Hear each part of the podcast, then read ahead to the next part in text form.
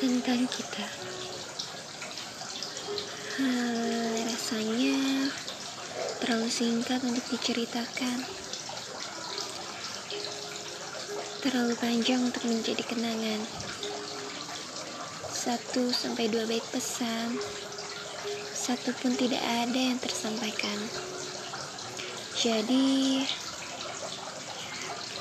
apa kabar kamu? Seseorang yang dulu pernah kuharapkan.